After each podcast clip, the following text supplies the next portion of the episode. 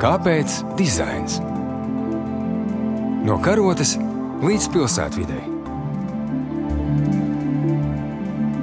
Labdien! Studijā klasika Ilza Martinsone, Latvijas arhitektūras muzeja vadītāja, un mana raidījuma viesņa ir Esmeralda Purvišķa, keramikas studijas Ese keramikas īpašniece. Es šodien gribēju parunāt par laikmetīgo trauku ražošanu Latvijā.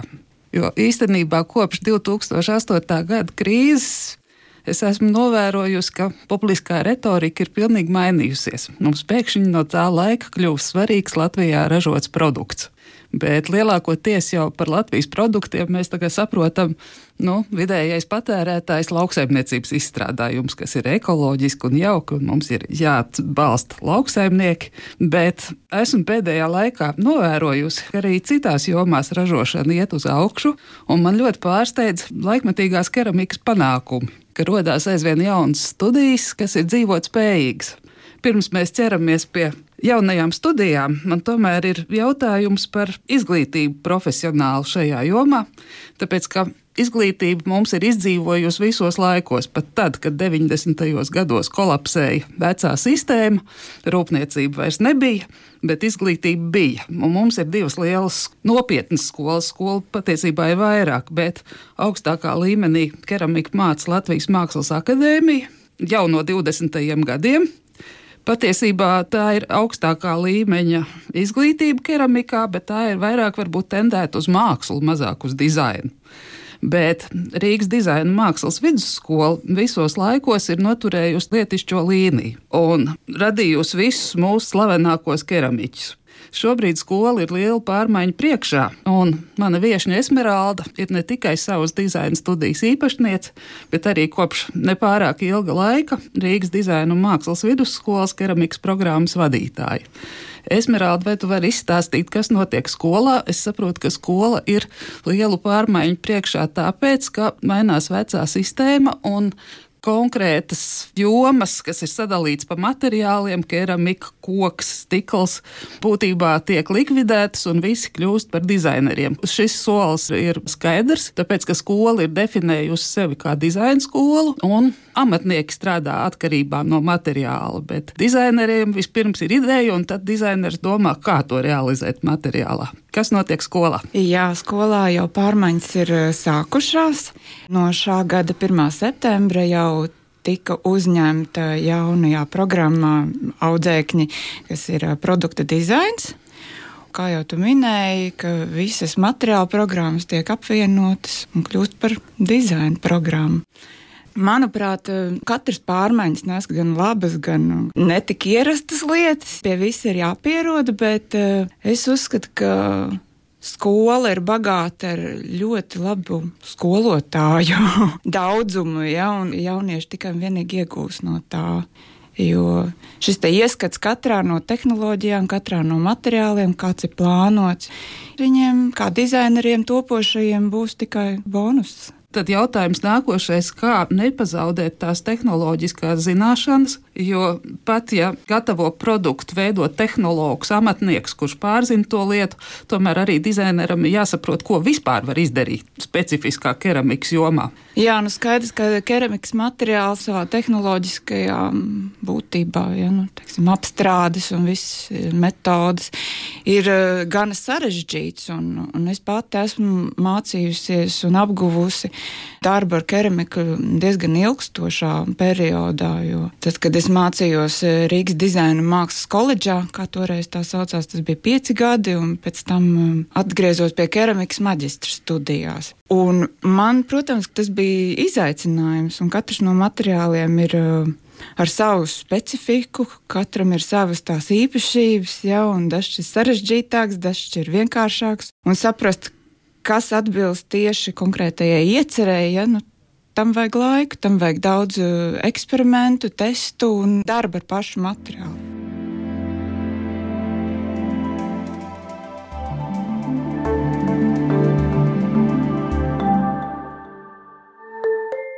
Tad es tomēr gribu ķerties pie trauku ražošanas arī mākslas porcelāna priekšmetu ražošanas Latvijā.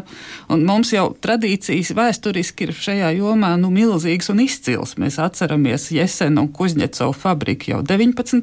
gadsimtā, tāpat 20. gadsimta starpkaru laiku, kur šīs pašas fabrikas darbojās un sadarbojās ar uh, profesionāliem latviešu māksliniekiem.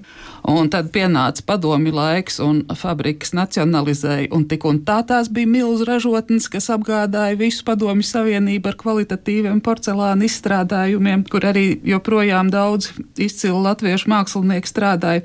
Un tad pienāca 90. gadi, un visa Latvijas vieglā rūpniecība kolapsēja, un nāca iekšā lēti kvalitatīvi izstrādājumi no rietumiem, un vairs mums šī vietējā rūpniecība nebija vajadzīga. Arī materiālā bāze bija novecojusi, un mēs šo sēkni saglabāt nevarējām, un iestājās pārāvums.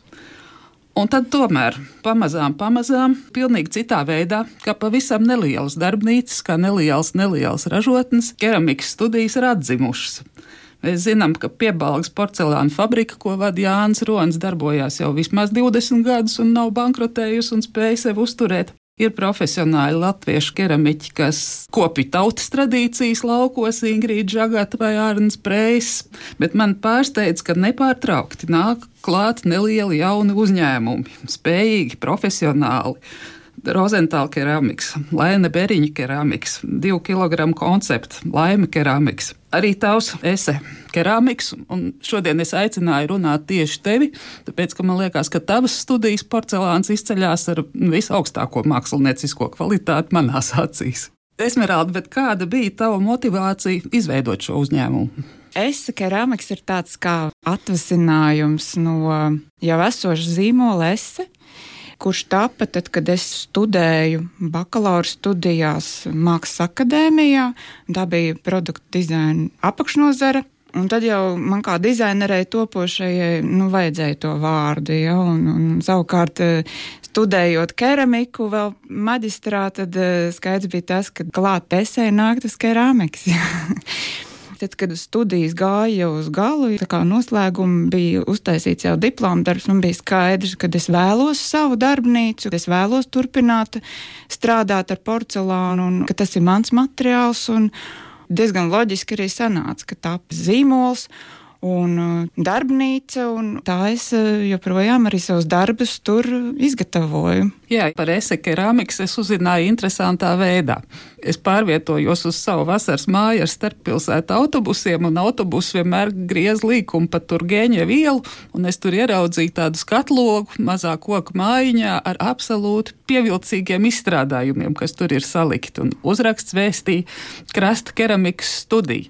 Un es pat nezināju, ka tā ir darbnīca, es iedomājos, ka tas ir veikaliņš, bet tie priekšmeti bija tik pievilcīgi, tāda pievilkšanas spēka, ka es vienreiz neizturēju turēju, un es skrēju uz turieni iepazīties. Kas tad ir krasta keramikas studija? Krasta keramikas studija ir uh, esa keramikas mājas. Tur viss top. Kad dabūjām šīs telpas, tad diezgan loģiski nāca arī pats nosaukums, jo tas ir um, Daugavas krastā, un krasta keramika šķita ļoti skanīga un pašsaprotama. Mums ir paveicies mūsu darbnīcai, ka mums ir šeit divi lielie logi, kurus mēs arī izmantojam, kā skatlogus, kā tāda ekspozīcija, un tur ir iespēja mums parādīt savus izstrādājumus.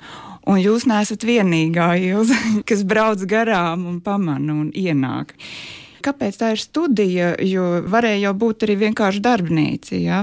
Man patīk eksperimentēt, un ir arī gribētāji, kas vēlas pamēģināt eh, šos keramikas materiālus.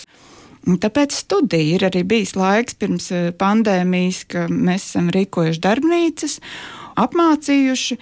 Ir cilvēki, kas nākuši vairākas reizes, ir arī pietika ar vienu reizi, lai pamēģinātu, ja, un saprastu šo materiālu nedaudz tā kā krasta keramika. Jā, ir darbnīca studija. Mēs tur darbojamies šobrīd ar vīru kopā. Viņš arī ir dizainers un ilustrācijas veido.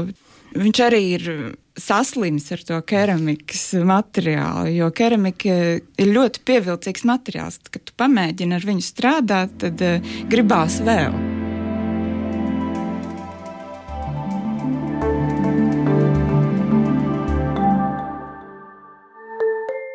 Mans nākošais jautājums ir absolūti pragmatisks.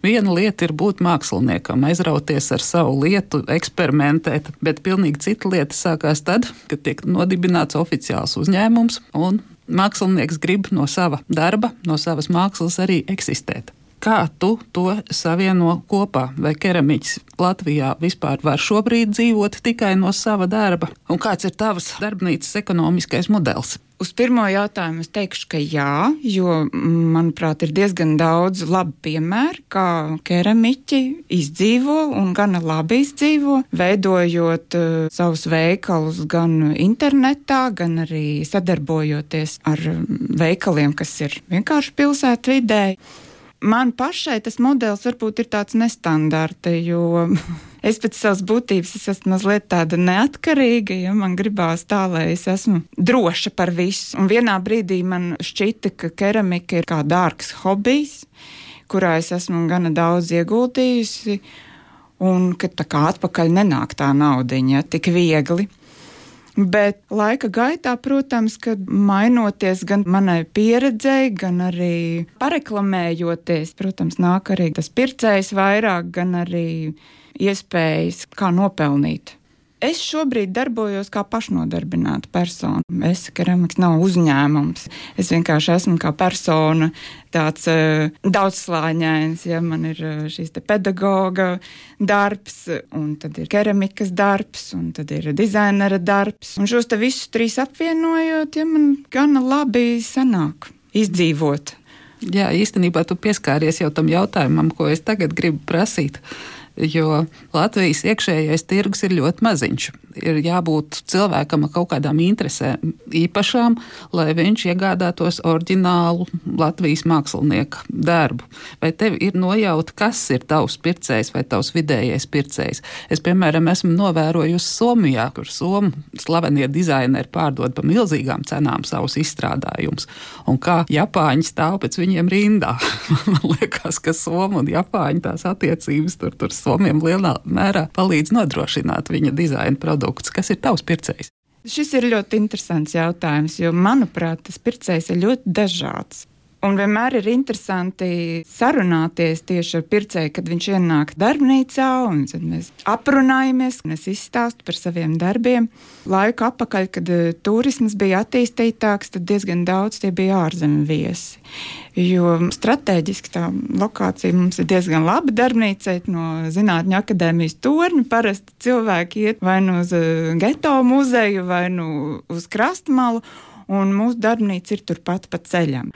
Daudz vācu turisti bija, kas nāca, un somu turisti gana daudz, un dāņi. Un ir arī Latvijas cilvēki. Tā kā pircējs ir ļoti interesants. Un tur ir tas man liekas, saistošais, ka darbnīcā ienākot, veidojās personīgais kontakts. Līdz ar to pilnīgi loģiski saprot, ka jā, tas ir tas tavs pircējs. Bet ir arī mums pieredze ar pārdošanu internetā. Un tur atkal tas noslēpumainais ir nu, neredzēt to savu pircēju, bet arī ir diezgan daudz uz ārzemēm trauki ir aizgājuši. Es nevarētu tā lielīties, ka man tā pārdošana ir super tāda jaudīga. Jo varbūt tādā peļņas ziņā man izdevīgāk ir bijuši lielāki pasūtījumi, kas ir vai nu kādas korporatīvās dāvanas vai kas tāds, kas parasti ir uz Ziemassvētkiem. Nu, tas ir tas nu, pļaujas laiks, ja, kad uz tiem Ziemassvētkiem tas skaidrs skaidrs, ka vajag tās dāvanas izgatavot. Un tad janvārs, februārs vienmēr ir tāds kluss un tukšs. Tad ir laiks uh, atkāpties un paskatīties uz visu no malas, un tad top tās jaunās idejas atkal. Jā, tieši par idejām. Es jau sākumā pieminēju, ka man piesaistīja tavu darbu mākslinieciskā puse. Uz ko tu orientējies, kur tu ņem savas idejas? Un vai tu pēti arī tirgu, kas ir pieprasīts, kas nē, ja tā ir tikai tava brīva izvēle? Man kā dizainerei, jā, apgūstot dizaineru izglītību, izpētīt tirgu bija nu, obligāta lieta. Ja, tas ir analogi un tirgus izpēta, tas ir svarīgi. Es to daru, jā. Bet uh, nav tā, ka es tagad izdomāju, nu šī lieta būs tā, kas vajag aizies.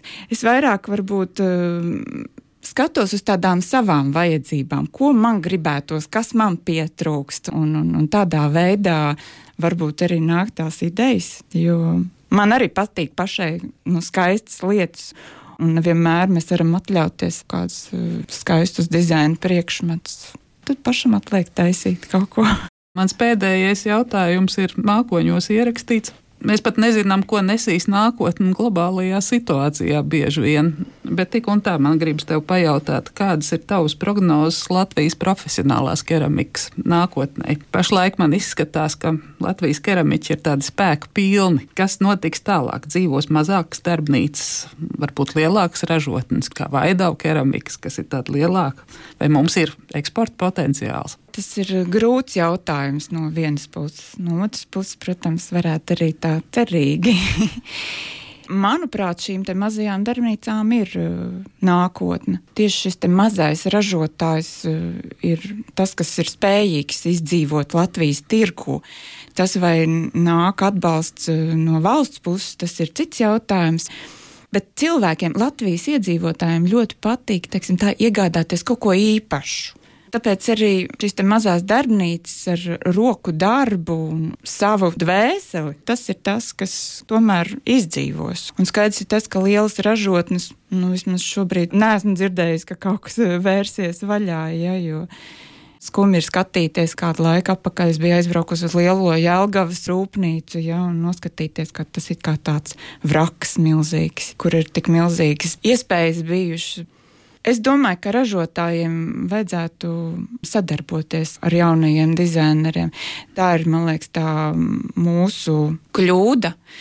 Jo skatoties, kas notiek ārzemēs, Vācijā, skolā, kurā man sanāca pastudēt pusgadu, tur skola sadarbojās ar Lielo kālas rūpnīcu, kas ir um, tāds keramikas grāns.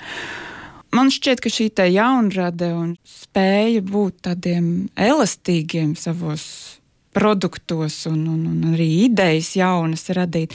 Tas ir tas, kas nāk no jaunās paaudzes. To ražotājiem vajag izmantot. Paldies! Studijā klasika bija Ilza Martinsone, Latvijas arhitektūras muzeja vadītāja un Esmeralda Purvišķa, keramikas studijas Ese keramikas īpašniece. Paldies!